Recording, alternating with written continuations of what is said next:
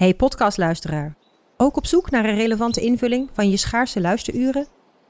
Tune dan in op de podcastserie ESG, even samengevat van BNP Paribas. Wij, Marloes en Aldert, spreken daar duurzame voorlopers en wereldverbeteraars. Waarover dan? Nou, bijvoorbeeld of we ooit duurzaam kunnen gaan vliegen. En waarom koeien in de stad nou een goed idee is? Dat en meer elke twee weken in een nieuwe aflevering. Dus abonneer je. ESG, even samengevat. Al 125 jaar kwaliteit voor jou thuis met Miele. Dat vieren we met jou. Ontvang nu tijdelijk een cashback tot 125 euro op veel Miele-apparatuur. Geniet van de kwaliteit van Miele. Voor perfect verzorgd wasgoed en kleding die veel langer mooi blijft. Voor een stralend schone vaat, even perfect als jouw diners. En een stofvrij thuis waarin echt hygiënisch schoon de standaard is. Check miele.nl voor alle feestelijke aanbiedingen.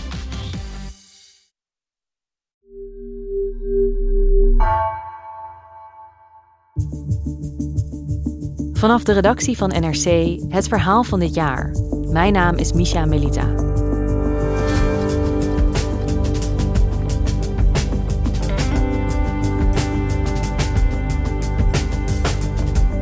...2021 loopt op zijn einde. In NRC Vandaag blikken we terug en vooruit. Met onze correspondenten kijken we naar belangrijke ontwikkelingen in hun regio. Verhalen die de voorpagina's haalden of juist ondergesneeuwd raakten onder andere nieuwsgebeurtenissen.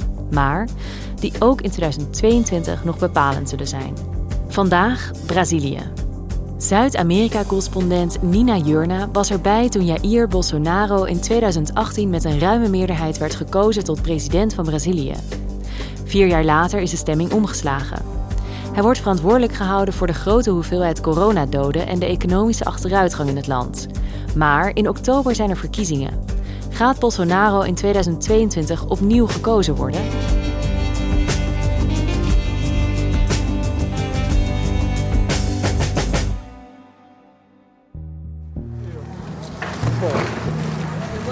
Ik was in Irajá, dat is in het uh, verre noorden van de stad uh, Rio de Janeiro, waar ik woon.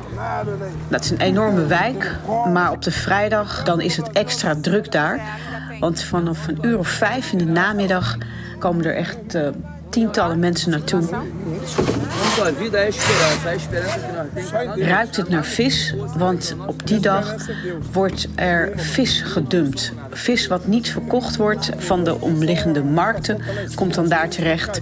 Uh, niet alleen vis, maar ook uh, groenten en fruit. Het is een soort dumpplek voor voedsel en op vrijdag is er dus vis. Ja, dat zou je zo kunnen omschrijven. Ze ruiken er dan aan, ze voelen eraan en nemen dat dan mee. Het is ook niet nieuw, het is al langer een bestaande plek. Al jaren eigenlijk. Maar wat wel echt veranderd is, dat is het profiel van de mensen die daar naartoe gaan. Dat waren voorheen echt nou, hele arme mensen, mensen met eigenlijk minimum inkomen. Um, maar nu zie je dat er dus ook uh, ja, mensen tussen zitten die tot de coronacrisis nog werk hadden. En de laatste jaar of de laatste twee jaar uh, tot die onderklasse zijn gaan horen. En uh, ik ontmoette bijvoorbeeld een vrouw, 48 jaar. Een vrouw die ik bij wijze van spreken ook gewoon in de supermarkt zou tegen kunnen komen in mijn wijk, hè, middenklassewijk. Uh, Marisa Suarez heette ze. No começo eu tinha vergonha, agora eu não tenho. Nou, Já fui até lá no, no Liceu do Caju também. Een vrouw die tot voor kort uh, eigenlijk nog werk had, maar door de crisis in enorme problemen is gekomen. Ze kan bijvoorbeeld de hoge huur niet meer betalen, de elektriciteit niet. En ze heeft deze plek, hè, deze voedselbelt, echt nodig om te kunnen overleven. Minha despesa é muito grande, né? Aluguel, luz. Eu na justiça para receber o luz da minha filha, para melhorar a renda. Wat me ook opviel als je daar bent, wordt ook enorm gediscussieerd over de politieke situatie. He, mensen die hun ervaringen delen, maar ook echt gewoon het hebben over de situatie in het land.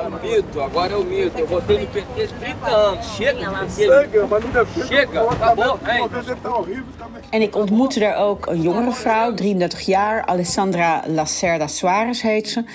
En volgens haar is Bolsonaro echt de grote verantwoordelijke voor uh, de ellende van uh, Brazilië en ook voor haar ellende. Você não vai votar mais no Bolsonaro? Melhorar. O que? Sou... Bolsonaro? Eu tô fora desse cara. O cara fez nada, nada, nada, nada pra ninguém. Dus zij geeft eigenlijk Jair Bolsonaro, de president van Brazilië, de schuld.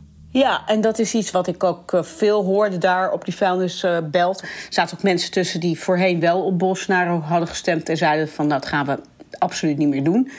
Ehm, nou ja, en dat wordt heel spannend het komend jaar. Want in ehm, 2022 zijn er verkiezingen in Brazilië... en dan wordt ook duidelijk of Bolsonaro eh, herkozen wordt of niet. En of eh, hij wordt afgerekend eigenlijk ja, op het feit dat eh, Brazilië zo gevallen is in armoede. En nou ja, of de rest van Brazilië er dan ook net zo over denkt als deze mensen die ik eh, bij deze eh visvoedseldumplek aantrof.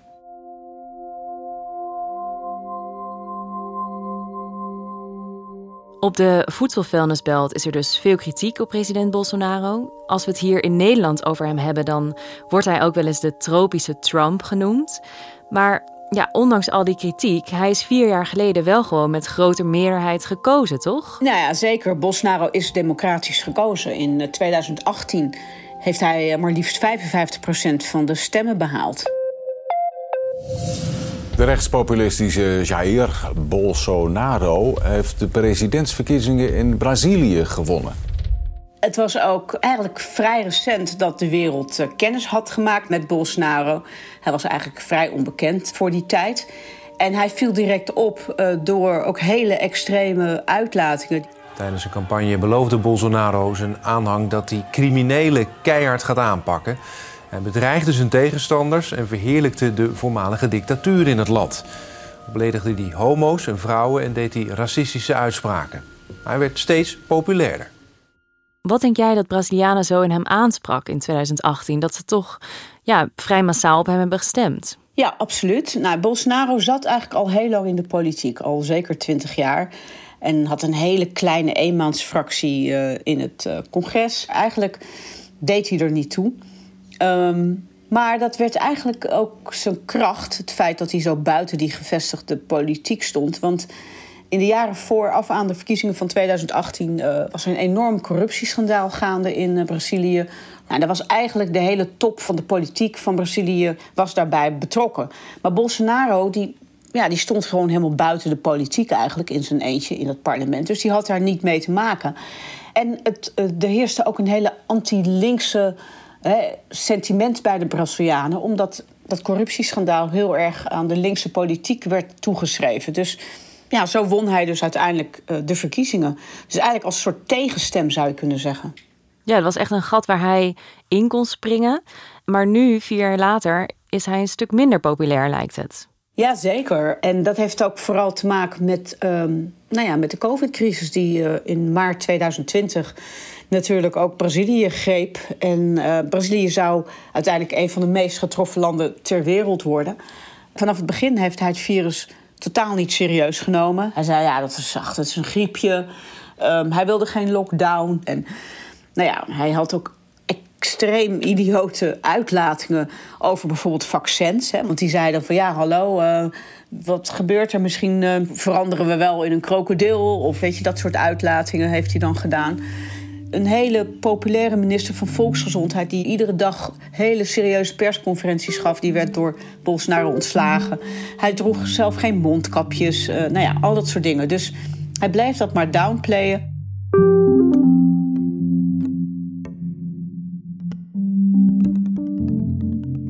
Nou ja, de gevolgen zijn ook enorm daar. Hè? We zitten nu in een grote eh, economische crisis. Eh, de real, de nationale munt, is enorm gekelderd. Een inflatie van 11 procent. nou, de werkloosheid stijgt. Tussen de 15 en 20 procent van de bevolking eh, is werkloos. Prijzen stijgen de eh, winkels uit. Als ik in mijn straat loop, ik zie zoveel mensen die op, op straat beland zijn, echt letterlijk, die hun huis zijn kwijtgeraakt. Dat is de situatie. En daar zou Bolsonaro best wel eens op kunnen worden afgerekend eh, bij de komende verkiezingen. Ja, want je hebt dus een president die eigenlijk de coronacrisis niet erg serieus neemt en een economie die steeds verder afglijdt. In hoeverre kun je echt Bolsonaro dit allemaal aanrekenen, hoe Brazilië er nu voor staat? Ja, het is natuurlijk niet helemaal eerlijk. Hij heeft natuurlijk in zijn tweede jaar heeft hij dan te maken gekregen met uh, nou ja, de, de, de pandemie, hè, die de hele wereld heeft getroffen. En het was ook al zo dat uh, voordat Bolsonaro aantrad, het al niet goed ging economisch met Brazilië. Dat is eigenlijk vanaf 2013 al was het, uh, het wonder Brazilië. Brazilië hoorde tot een van de BRIC-landen die enorm aan het groeien was, de economie. Dat wonder was eigenlijk ook al uh, voorbij. Um, het is alleen wel e-, veel erger geworden onder zijn bewind. En hij had ook geen antwoord. Hij heeft ook niet een beleid kunnen ontwikkelen om die aan te pakken. Het bleef heel erg bij het populistische gepraat en geen echte oplossingen. En in die zin uh, ja, zal dat hem wel aangerekend kunnen worden. Ja, dus een deel van de problemen uh, was er al toen hij aantrad of zijn hem overkomen, zoals corona. Dat had hij natuurlijk niet kunnen voorzien. Maar hij heeft ook geen effectief beleid gevoerd om die problemen aan te pakken. Eigenlijk is het alleen maar slechter geworden onder Bolsonaro. Heeft hij nog steun? Nou ja, Bolsonaro heeft zeker nog aanhang. Um, er is um, sowieso een vaste groep mensen die op Bolsonaro stemt. Wat hij ook zegt. Ik was bijvoorbeeld uh, afgelopen september was ik uh, in Brasilia, de hoofdstad van het land. En uh, dat was tijdens de onafhankelijkheidsviering van Brazilië. En nou, normaal is dat dan een, een dag waar iedereen de straat op gaat en waar een parade is. Maar die dag werd eigenlijk gewoon één grote, zeer massale pro-Bolsonaro-manifestatie van zijn aanhangers.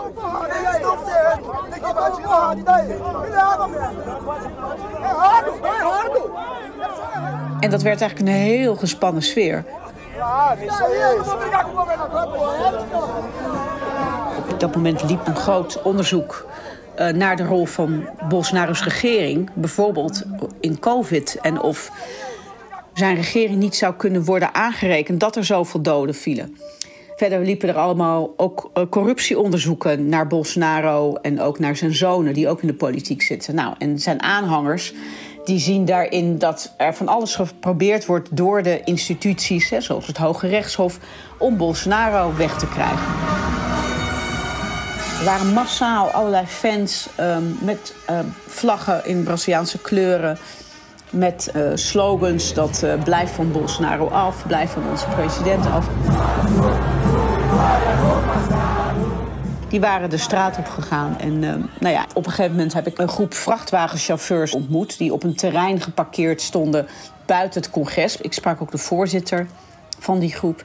En die zei ook van ja, ik ben hier naartoe gekomen omdat ik niet meer geloof in de democratie. Want Bolsonaro wordt op alle fronten uh, tegengewerkt. A independência seria um Brasil livre, independente.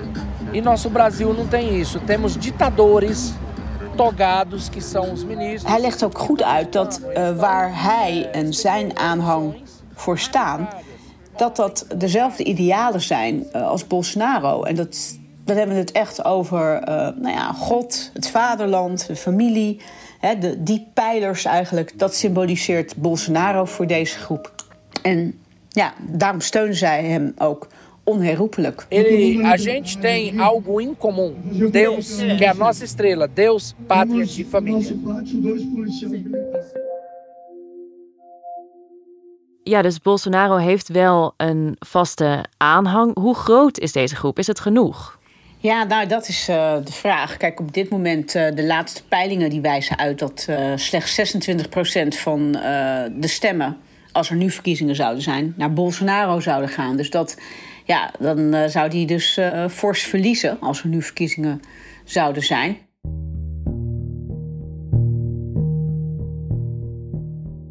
Als we kijken naar het politieke landschap in Brazilië en stel je wil niet op Bolsonaro stemmen, wat zijn dan de alternatieven? Nou, de grote tegenhanger van Bolsonaro, dat is uh, de oud-president uh, Lula da Silva, die met een uh, comeback bezig is. Lula da Silva was al eerder president in Brazilië, twee keer eerder. Um, was toen enorm populair, maar is eigenlijk de laatste jaren helemaal uit de gratie gevallen, omdat hij zo in verband werd gebracht met die grote corruptie. Hij heeft ook in de gevangenis gezeten, maar eerder dit jaar zijn alle aanklachten tegen hem uh, door het Hoge Rechtshof uh, ingetrokken. Dus hij kan weer meedoen met de verkiezingen. En uh, hij heeft zich nog niet officieel kandidaat gesteld, maar eigenlijk verwacht iedereen dat hij mee gaat doen. En als er nu verkiezingen zouden zijn, dan zou Lula grote kans maken om te winnen. volgens de laatste peilingen zou hij wel 48% van de stemmen kunnen behalen op dit moment.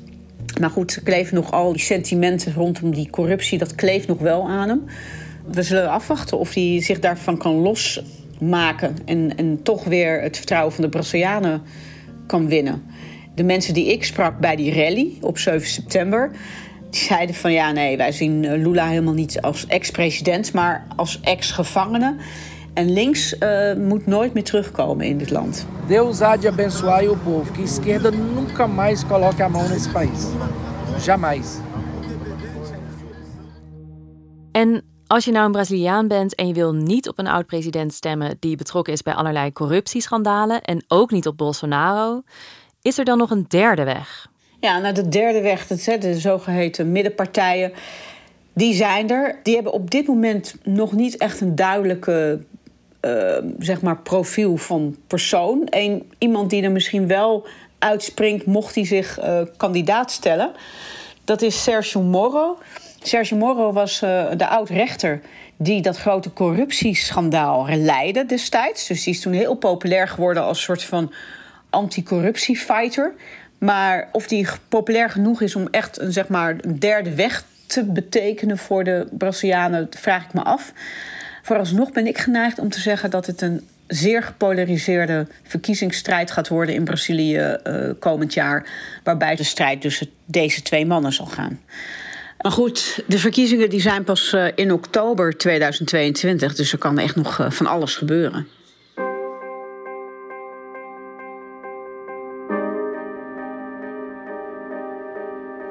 Ja, dus je hebt aan de ene kant een presidentskandidaat die van corruptie beschuldigd is. En dan heb je Bolsonaro. Uh, en misschien in het midden nog een goede kandidaat uh, die tot oktober heeft om zich uh, te bewijzen.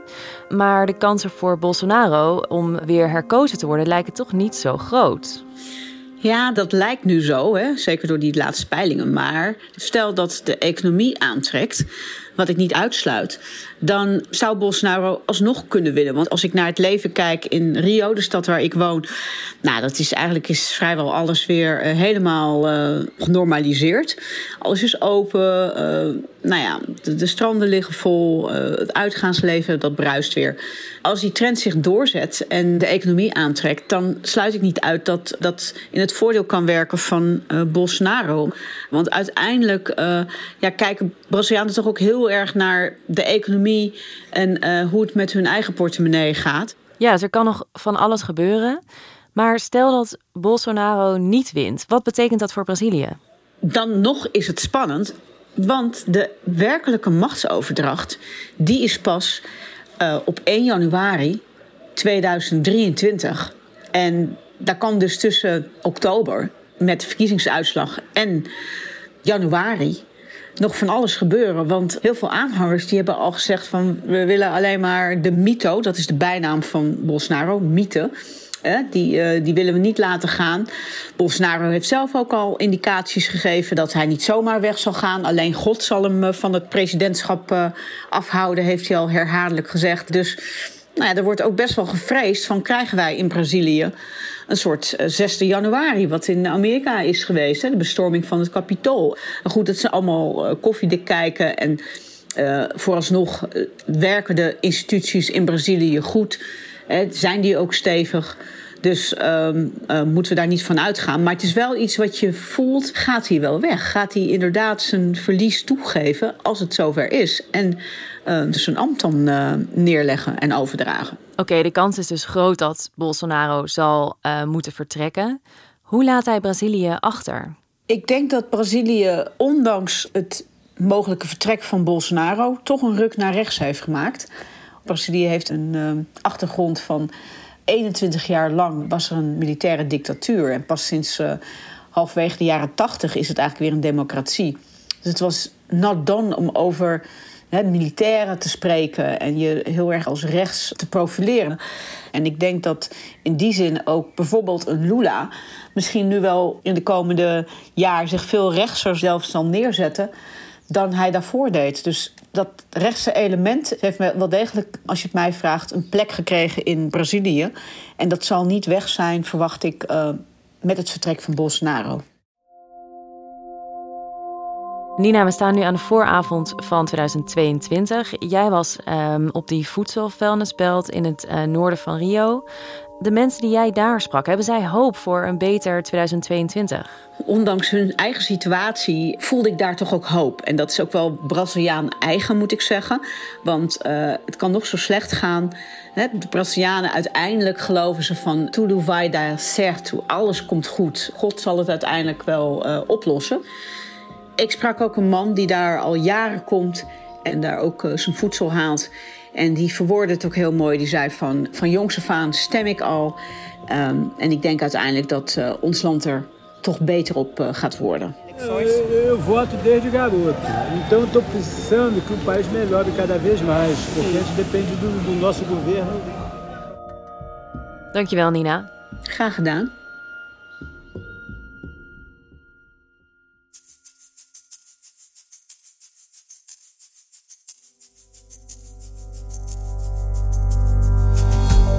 Je luisterde naar vandaag, een podcast van NRC. Eén verhaal, elke dag. Deze aflevering werd gemaakt door Henk Ruigrok van der Werven, JP Geersing en Nina van Hattem. Dit was vandaag, morgen weer.